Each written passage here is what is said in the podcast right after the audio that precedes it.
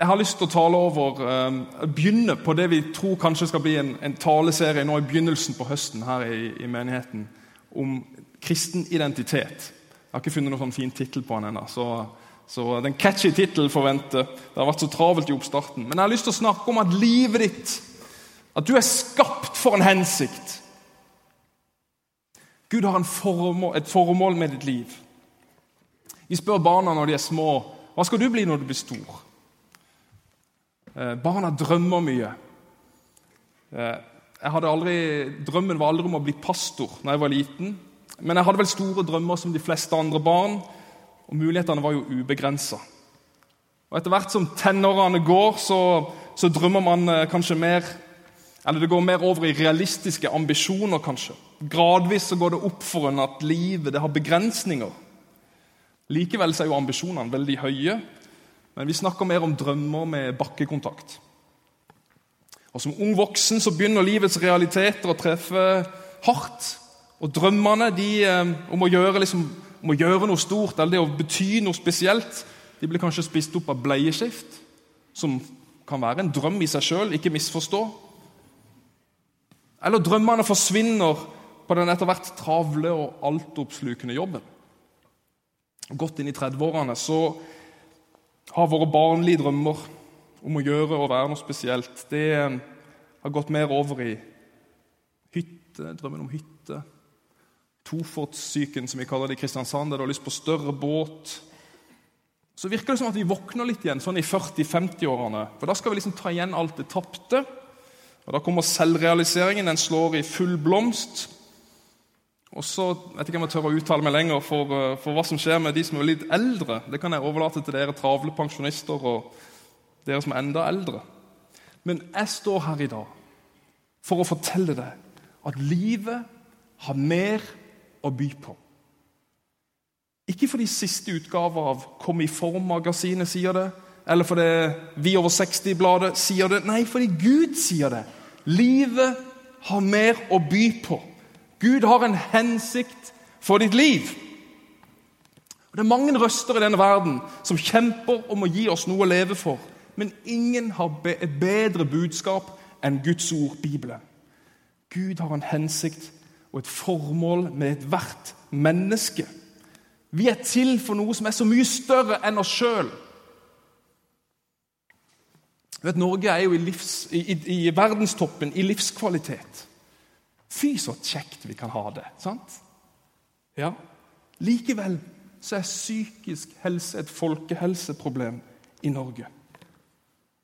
Dobbelt så mange dør av selvmord i Norge enn i trafikken hvert år. Bak mange av de flotte fasadene så ligger mange mørketall. Og Det er kanskje ikke verre enn før. Jeg skal ikke være noen mørkemann. Men jeg tror svaret på vår stille lidelse i Norge er at altfor mange mennesker har ikke noe å leve for. Og det er alvorlig. For jeg tror at vi som mennesker vi trenger disse metanarrativene, som det heter så pent. Eller disse historiene som gir mening med livet. Du vet Tiden vi lever i Jeg vet ikke om det kalles postmodernisme lenger.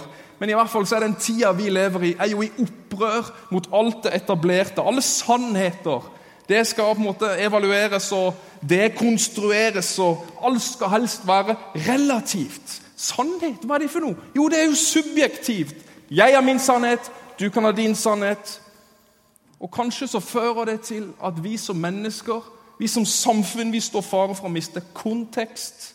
For vi mister mening, vi mister identitet, vi mister hensikten med livet. Og det er ikke kjekt. Så hva lever du egentlig for? Hva lever du for? For Vitenskapsmenn de jobber med å svare på hvordan alt ble til. Og De kan gi mange gode svar, men den gir mennesker etter min mening i hvert fall, ingen tilfredsstillende svar på hvorfor er alt blitt til. Jo, men Fredrik, Det er jo verdifullt å leve for barna, og for familien, og gjøre en god jobb. Det er, jo, det er jo verdifullt. Selvfølgelig er det det. Men livet går så fort. Jøss, så gammel du er blitt. Livet går så fort. Det er så kort. En dag så flytter barna ut. De trenger oss ikke på samme måten lenger. Og plutselig en dag så må du også på Nav fordi jobben har ikke bruk for deg lenger. Eller den dagen kommer da helsa svikter. Hva da? Hvem er du da? Hva lever du for da? Fortvil ikke. Du er til for noe mer. Ja, tenk at det går an å være til for noe mer. Kanskje er du allerede ivrig og tenker ja da, hva mer, hva mer, Fredrik? Ja, Hva er det du mener? Jo, skal vi få opp første bibelverset her. Det en som sa det at eh, Alt du trenger å vite om Gud og livet med Gud og livet som menneske, det finner du i de tre første kapitlene i Bibelen. Ja, det tenker Du skal være en god teolog for å, for å finne ut av det, men det går faktisk an. I første Mosebok så står det om skapelsen. sant? Gud skaper verden. Og så står det i vers 26 La oss skape mennesker i vårt bilde, så de ligner oss. De skal råde over fisken i havet og, og fuglene under himmelen, over fe og alle ville dyr og alt krypet som det kryr av på jorden. Etter du, Mange har lest dette mange ganger. Det at vi er skapt i Guds bilde, det har vi hørt mange ganger. Men hva betyr det egentlig å være skapt i Guds bilde, som gir oss en identitet og en hensikt? Vel, skal vi eller Mange tenker at ja, vi var skapt i Guds bilde. Jo, det er jo det at vi må jo ha fått noen egenskaper fra Gud, som fornuft og moral. At vi, er, at vi har relasjonelle egenskaper, at vi er født med ånd, sjel og legeme. og Mye av det er nok sant. Men for å forstå hva dette bildet liksom betyr, så må vi jo sette oss litt inn i hva betydde det ja, om det er skrevet rundt 15 år før, 1500 år før Kristus. Altså for lenge, lenge siden. Hva betydde bildet, da? Hva betydde 'tselem', som er det hebraiske ordet? Jo, å være skapt i en, i en Guds bilde ble på den tiden ofte brukt om sånne hellige gudestatuer. Jeg tror jeg har et bilde av det også. Gudene tok jo bolig i disse her statuene. og Derfor så hadde disse, de trodd at disse statuene de hadde Guds egenskaper, og de var hellige. Og Hvordan disse ble lagd, hvordan disse ble forma, det, det, ligner veldig på vår egen skapelseshistorie fra første Mosebok. For Nettopp gjennom en rituell seremoni så var billedhoggeren som, som meisla ut disse og forma disse, opp, de trodde at han opptrådte på vegne av gudene. Og Fordi han, han, han forma disse statuene, så fikk de da disse gudelige egenskapene. Og Det kunne ta opptil en uke, visstnok. Og Innimellom så ville denne statuen, uansett, eh, sikkert ikke de aller største, men i alle fall disse som sto, små som sto på disse alterne, de ble tatt ned til en elv for å vaskes rene. For de skulle jo være verdige for tempelet når de skulle settes inn i tempelet. Og så igjen ble de satt inn i en hage hvor de ble innvia som gudstatuer. Elver og hager var i den tiden nært knytta til det hellige og ofte forbundet med tempelet. Interessant. Og Da statuen var ferdig, så var det neste som sto for tur, en seremoni som jeg tror historikere kaller for en munnvaskeseremoni. Og Det ble gjort av høyeste presten i tempelet. og Han ville da altså vaske munnen og gjerne nesa på statuen. Og Gjennom denne seremonien så trodde de at, at, guden ville blåse sin pust inn gjennom nese og munn, slik at denne guden da virkelig ble et bilde av guden med dens egenskaper. Og Så ville de sette statuen inn i tempelet, og da trodde de at Gud hadde fylte det tempelet, at han var til stede der. Og Etter dette så ville menneskene tilbe guden, de ville ofre, de hadde ritualer og mot at de ga offer til guden, så ville guden ta vare på dem og gi dem det de trengte. Det var sånn det fungerte. Det høres veldig likt ut, gjør det ikke det? Hm, det var da merkelig. Er det ikke dette vi også har en historie på? Men sånn var ordet selem, bilde. Det var det folk tenkte eller visste om gudebilder og gudestatuer. Det var helt vanlig, det. Og Mest sannsynlig så har forfatteren dette i tanke når han skriver i første mot kapittel 1 og kapittel 2 det er et kjent scenario for mennesker den gang, men allikevel er det store forskjeller i vår historie. Hvis vi tar neste bibelvers, første Mosebok kapittel 2, så står det Da formet Herren Gud mennesket av støv fra jorden. Han blåste livspust i nesen på det, og mennesket ble en levende skapning. Herren Gud plantet i gammel tid en hage i Eden der satte han mennesket han hadde formet. Her er det annerledes. For Gud skapte jorden med sitt ord, står det i begynnelsen. Det var bare ordet, så, var det, så sto det der. Men når han skal skape mennesket, så blir det personlig, folkens. Gud, da kommer Gud selv ned på kne. Og Så former han mennesket med sine egne hender av jorden. Og så skjer det som ligner veldig på denne munnvaskeseremonien. Han blåser sin livspust i denne statuen av en leire. Og mennesket blir en levende skapning i hans bilde. Det er ikke bare biologisk liv han tilfører, men han tilfører noe av seg sjøl som gjør oss til levende bilder, representanter av Gud selv. Og Merk at han etterpå også plasserer mennesket i en hage med en elv. Det vet vi også. Edens hage ble av noen av forfatterne av Bibelen sett på som det første tempel. Der var mennesket. Wow! Er det ikke interessant? Ingen som syns det er interessant, står jeg her og Kom igjen. Du vet, For, Paul, eller for Erik og Pål på den tida så ville dette være banebrytende lesing. Mennesket er et levende gudebilde. Det er ikke slaver eller undersåtter av stammeguden som hos de fleste andre. Nei, mennesket var skapt for å opptre på Guds egne vegne og utrustet av Han for å utbre hans plan og hans vilje. Så igjen, vi ser gudestatuene som den kulturen trodde var gudene. Og så kommer hebreerens gud, Javé, og så blir gudene det neste bildet levende mennesker. Eller gudebildet. Radikal forskjell på den tida. Og Da blir det for veldig merkelig for du som kjenner Israels historie. Når eh, israelsfolket begynner å lage, smelte alle, gull, alle, gulltingene sine, ringer og hører og smykker og alt, og så smelter de seg en, en kalv, en gullkalv som de vil tilbe. Hvorfor gjør de det? Merkelig. Det var jo ikke sånn Gud hadde tenkt det. De var jo en helt unik, annerledes nasjon enn alle de andre. Det tok tid for dem å forstå hvordan Gud tenkte. Og Sånn tenker jeg at det er for oss også. Denne enorme identitet vi har. Og jeg tenker Hvis du har tenkt smått om deg sjøl, så må du høre etter. For du er skapt i Guds bilde. Livet handler ikke bare om deg sjøl, men om Han som har gitt deg liv. Og han har lagt sine egenskaper, sin karakter, han har lagt alt tilgjengelig ned i deg og i meg. Og Dette gir jo ethvert menneske en enorm verdi. Dette gir jo ethvert menneske en enestående identitet. Og Dette gir jo ethvert menneske et enormt, eller et ufattelig spennende perspektiv på livet. Ser du det? Og for ikke snakke om en viktig rolle i denne verden. Kjære deg, det finnes mer. Og det er nok motvind i livet. Hverdagen kan være tøff nok, og vi kan tenke smått om oss sjøl og hva vi kan få til. Men dette her synes jeg er et fantastisk godt budskap. Det ser ikke ut som du blir engasjert, men jeg tror allikevel det skjer noe inni deg. Ok? Yes.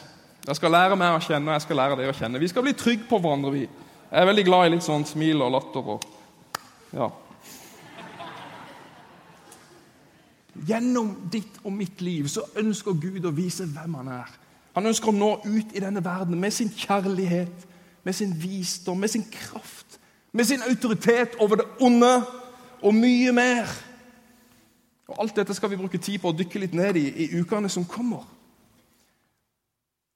Hverdagen, hektiske maset, kravene, tankene flakker, aviser gir oss masse budskap, Facebook Krav og forventninger, unger og jobb.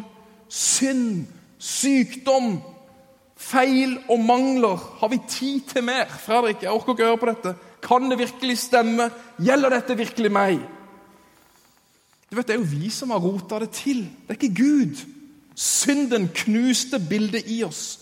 Vi valgte en annen vei. Det er vi som roter oss vekk ifra sannheten. Det står jo at Gud vandrer i Edens hage, og så må han rope etter mennesket. 'Adam, Adam, hvor er du hen? Hvorfor gjemmer du deg fra meg?'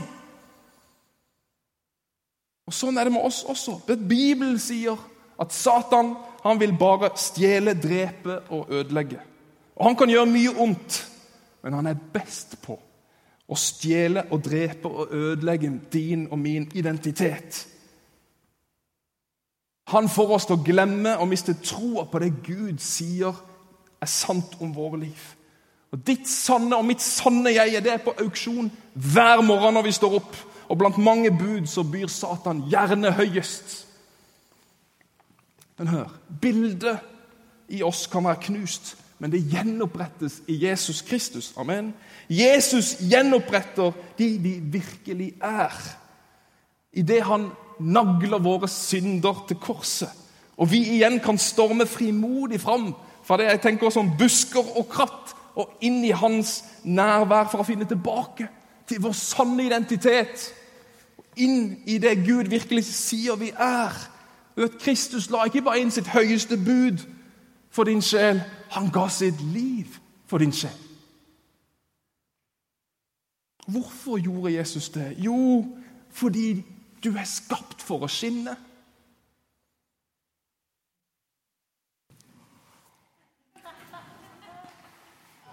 Du er i kirken nå. Du er i Guds hus nå. Nå skal du høre de gode nyheter. Vi trenger ikke henge med hodet. Du trenger ikke alkohol, du trenger ikke rusmidlene, du trenger ikke pornografien eller arbeidsnarkomanien eller penger for å være tilfredsstilt. Vi trenger ikke henge med hodet, vi trenger ikke bære på bekymringen, slite med angsten eller kues av frykten. Du vet, Vi er ikke slave, men vi er et menneske skapt i Guds bilde. Et elsket Guds barn. Vi er skapt for mer!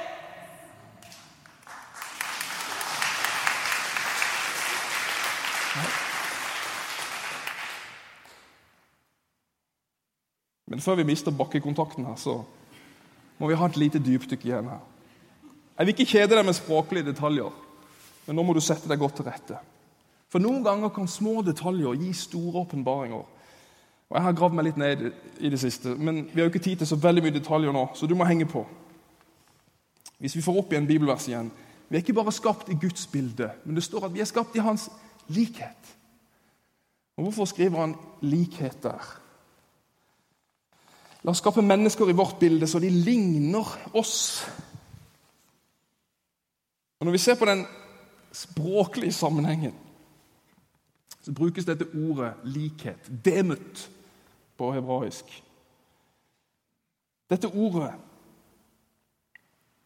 det brukes for å sammenligne to forskjellige ting. For så brukes ordet for å koble ondskap med slangegift i Salme 58, eller likheter mellom engler og demoner i Daniel 10. Men det er mest brukt i Esekiels bok, profeten Esekiels bok, hvor det brukes til å sammenligne det som er sett i himmelen, og det som er sett på jorden. Så Dette ordet likhet, demut, det brukes som en slags språklig bro. Må du henge med her? Og Det gir oss en måte å flytte fra ett bilde til et annet ved å peke ut lignende elementer. Så la oss skape mennesker i vår likhet. Det blir en, en uttalelse om broen mellom Gud og menneske. Altså Med andre ord, mennesker er Guds bilde. Vi er hans representant. Og i hans likhet så er vi broen mellom himmel og jord. Goosebumps for noen spesielt interesserte. Vår rolle er altså å stå over gapet mellom himmel og jord for å gi vei, slik at det som er sant i himmelen, blir sant på jorden. Men Jesus sa slik 'Far har sendt meg, sender jeg dere'. Som Guds representant og i hans likhet så skal vi be som Jesus lærte oss. La din vilje skje på jorden som i himmelen. Og deretter gjøre som Jesus gjorde. Gå ut og få det til å skje. Altså, Vi skal be, Far, la din vilje skje, og så skal vi gå ut og gjøre det. Vi er den broen mellom himmel og jord. Jesus er jo selvfølgelig den som gjør at vi får det til. Han istandsetter oss. Og jeg tenker, Finnes det noe bedre å leve for enn det? Jeg syns ikke det. Ingen skal kunne si at ikke vårt liv, at ikke mitt og ditt liv er viktig, og at det har et fantastisk formål. Tenk Om vi er unge eller gamle, om vi er syke eller du er frisk Så lenge det er pust i oss, så er dette en del av oss, og det er sant om oss. Livet har mye mer å by på. Men jeg må innrømme at jeg syns det er en utfordring. Disse sannhetene her blir ja, det blir spist opp, som jeg innleda med. Drømmer blir plutselig annet annerledes. Jeg syns det er en kamp om å leve ut ifra den identiteten som jeg har nettopp lagt ut for dere. Det er så mye annet som trekker den andre veien. Eller som svigermor sier, vi lever alle under tyngdekraften. Ja, det er så sant. Svigermor har ofte rett. Men skulle ikke menigheten, her vi kommer sammen, skulle ikke vi som fellesskap være stedet der vi minner hverandre på nettopp dette? Hvem vi er, hva, hva vi er skapt til. Skulle ikke vi være de som minte hverandre på det?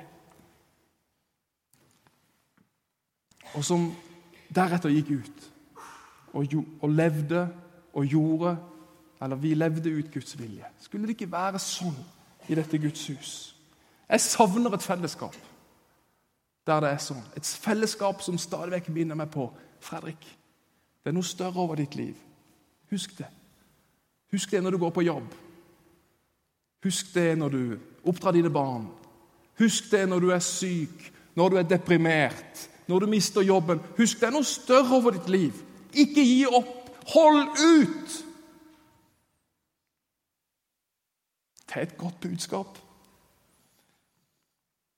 Vi har levd som nomader nå i, i, tre uker her i Haugesund og blitt godt tatt vare på. Men vi har, ikke, har flytta litt fra hytte til hus. Eh, og Barna våre har eh, heldigvis løpt rundt og blitt kjent med nye. Og, og Noah, da, som dere har sett her oppe, han er eh, elleve år og, og, er i full gang med, med, å bygge et nytt nettverk. Så han vil jo ikke være hjemme, vet du, han vil jo helst bare være ute. Så kommer jeg og kjører jeg henter han i dag, og han er kjempesur. Klager sin nød. Og så sier jeg, men Noah, du er nødt for å være hjemom for å finne ut av hvem du er. Hvis du bare er ute hos venner nå, og spesielt nye venner, så gir du så mye av deg sjøl. Du prøver kanskje å være litt kulere enn det du er. Eller kanskje du, ja, du gir litt sånn slipp på hvem du egentlig er, for å imøtekomme de andre. For å vinne nye relasjoner. Så gir vi litt slipp på oss sjøl du er nødt for å komme hjemom for å finne ut av hvem du er. Så vi kan få fortelle deg husk noe sånn er du. Du er en god gutt. Du er sånn, du er sånn. Ja, det er sant det, pappa. Jeg skal komme hjem. Og sånn er det med oss også. Vi trenger dette fellesskapet for å finne ut de vi virkelig er. For å kunne leve det livet der ute ut ifra den identitet som Gud gir. Ikke som mennesker eller noe annet gir, men som Gud gir. Så la oss oppmuntre hverandre og inspirere hverandre. Jeg håper du kan ta med deg det hjem i dag. Skal vi be sammen? Jesus, takk for Takk for at du har skapt oss på unikt vis, Herre. Takk, Herre, for at eh, Vi er ikke hjelpeløse barn, vi er ikke foreldreløse barn. Vi har en far i himmelen. Takk, Herre, for at uansett hva livet måtte møte oss med, så er det noe stort over våre liv. Og Herre, det, du, det tar tid før dette synker inn her. Jeg vet Vi trenger mer kanskje enn en søndag. Men Hellige Ånd, du som er sendt til oss for å lære oss, for å åpenbare Guds ord. Velsign oss med den åpenbaringen nå. Hver og en. Du kjenner de som sitter her, hvilket liv de har. Hvilke gleder, hvilke sorger, hvilken Hvordan livet er for øyeblikket. Velsign oss, Herre. Hellige Ånd eh, forløser din sannhet over oss som menighet. La oss i et øyeblikk nå få kjenne på hvem vi er. Om vi hater oss sjøl, og vi misliker oss sjøl. Herre, kom. Sett oss i frihet, Jesus Kristus. Du som la inn det høyeste budet for vår sjel, som ga ditt liv. Sett oss fri.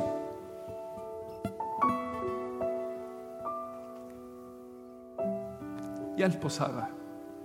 Hent oss inn igjen.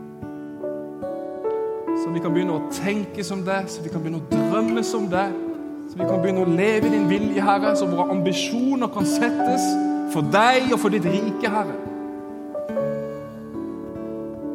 Frels oss. Om ikke du kjenner Jesus i dag, så kan du i ditt hjerte bekjenne tro. Og Bibelen sier du vil bli frelst.